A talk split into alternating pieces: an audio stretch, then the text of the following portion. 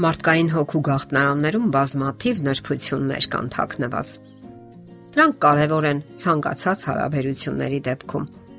Այդ գաղտնիքներն այնքան բազմազան են ու խոր, որքան բազմազան են մարդկային հարաբերությունների տեսակները։ Դրանք իմանալը օգնում է բարելավելու հարաբերությունները, խորացնելու եւ անգամ վերակենդանացնելու թուլացած կամ մարած հույզերը։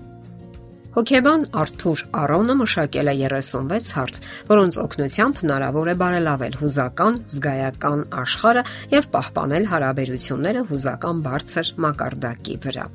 Ընդ որում, այդ հմտությունների արդյունավետությունը նա փորձարկել է եւ ապացուցել սեփական ընտանեկան հարաբերություններում եւ պնդում է, որ դրանք արդյունավետ են նաեւ երիտասարդական հարաբերությունների համար։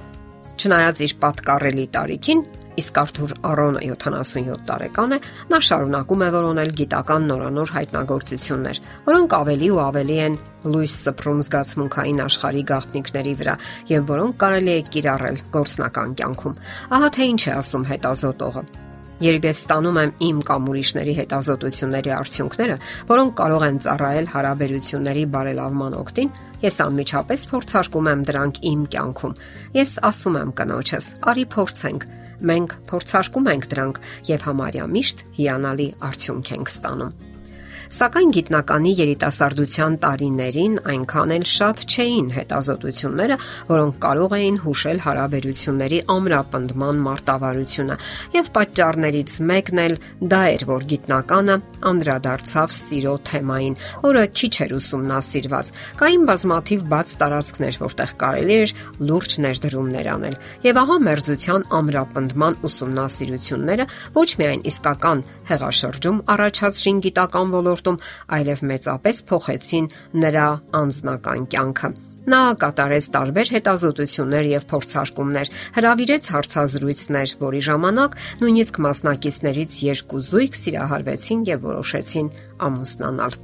Հարցն այն է, որ հարաբերությունների ժամանակ կողմերը պետք է խոր ուսումնասիրություն կատարեն միմյանց հոգու խորքերում։ Կարևոր հարցեր տան միմյանց եւ parzabanumներ անեն։ Հասկանան անznական հույզերը, վերաբերմունքը այս կամ այն կարևոր իրադարձությունների հանդեպ, ինչպես են արձագանքում, ինչ են զգում։ Սա միգուցե երկար, սակայն արդարացված ուղի է։ Մերձության տանող ճանապարհին դուք պետք է հաղթահարեք ձանձրույթը։ Ձանձրույթը իսկապես ժամանակի ընթացքում կարող է ավերիչ ազդեցություն գործել հարաբերությունների վրա։ Խոր զրույցներն իհարկե անհրաժեշտ են ամուր հարաբերությունների համար, սակայն դա միակ ուղին չէ։ Երբեմն հարկավոր է դուրս գալ, այսպես ասած, խոր քնից եւ փոփոխություններ մտցնել, գնալ ներկայացումներ, ֆիլմեր դիտել, Ուսումնասիրությունները ողջել են, որ նման փոփոխություններից հետո ձանձրույթն անհետանում է։ Դրանց օգնում են թարմացնող հույզերը եւ ավելի լավ միմյանց ճանաչելը։ Իսկ ամուսինների դեպքում հարաբերությունները ավելի խորը եւ բուրն են լինում։ Օգնում է նաև ճանապարհորդությունը։ Անհրաժեշտ է երբեմն ճանապարհորդել։ Այստեղ այնքան էլ կապ չունի նյութական հնարավորությունը։ Հարցը ցանկությունն է։ Պարտադիր չէ գնալ Ճապոնիա կամ Ավստրալիա։ Եթե ունեք հնարավորություն, ինչու՞ չէ, կարող եք գնալ։ Իսկ եթե ոչ, Հայաստանում էլ շատ հետաքրքիր վայրեր կան, որտեղ դուք երբևէ չեք եղել։ Դա բոլորովին էլ թանկ չէ, սակայն մեծ ուրախություն եւ թարմություն կհաղորդի ձեր հարաբերություններին։ Եվ վերջապես, ինքներդ էլ կարող եք մտածել, ինչպես ժամանակ անցկасնել միասին։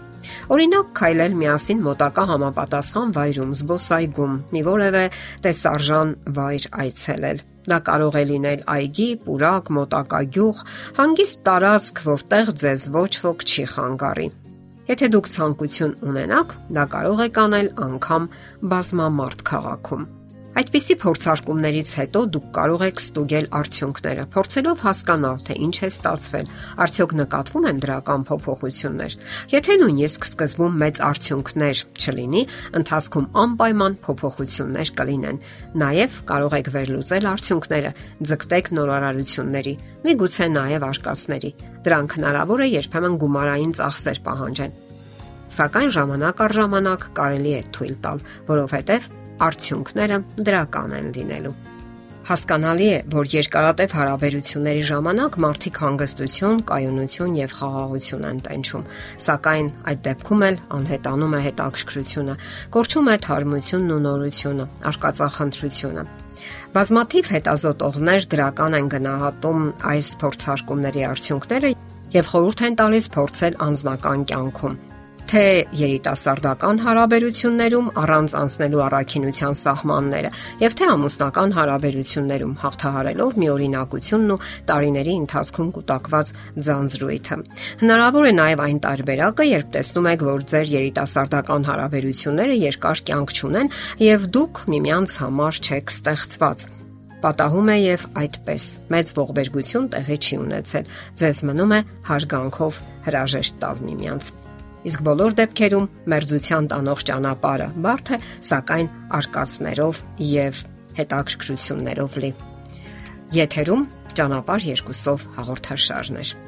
Եթերում է ճանապարհ երկուսով հաղորդաշարը։ Հարցերի եւ առաջարկությունների համար զանգահարել 033 87 87 87 հեռախոսահամարով։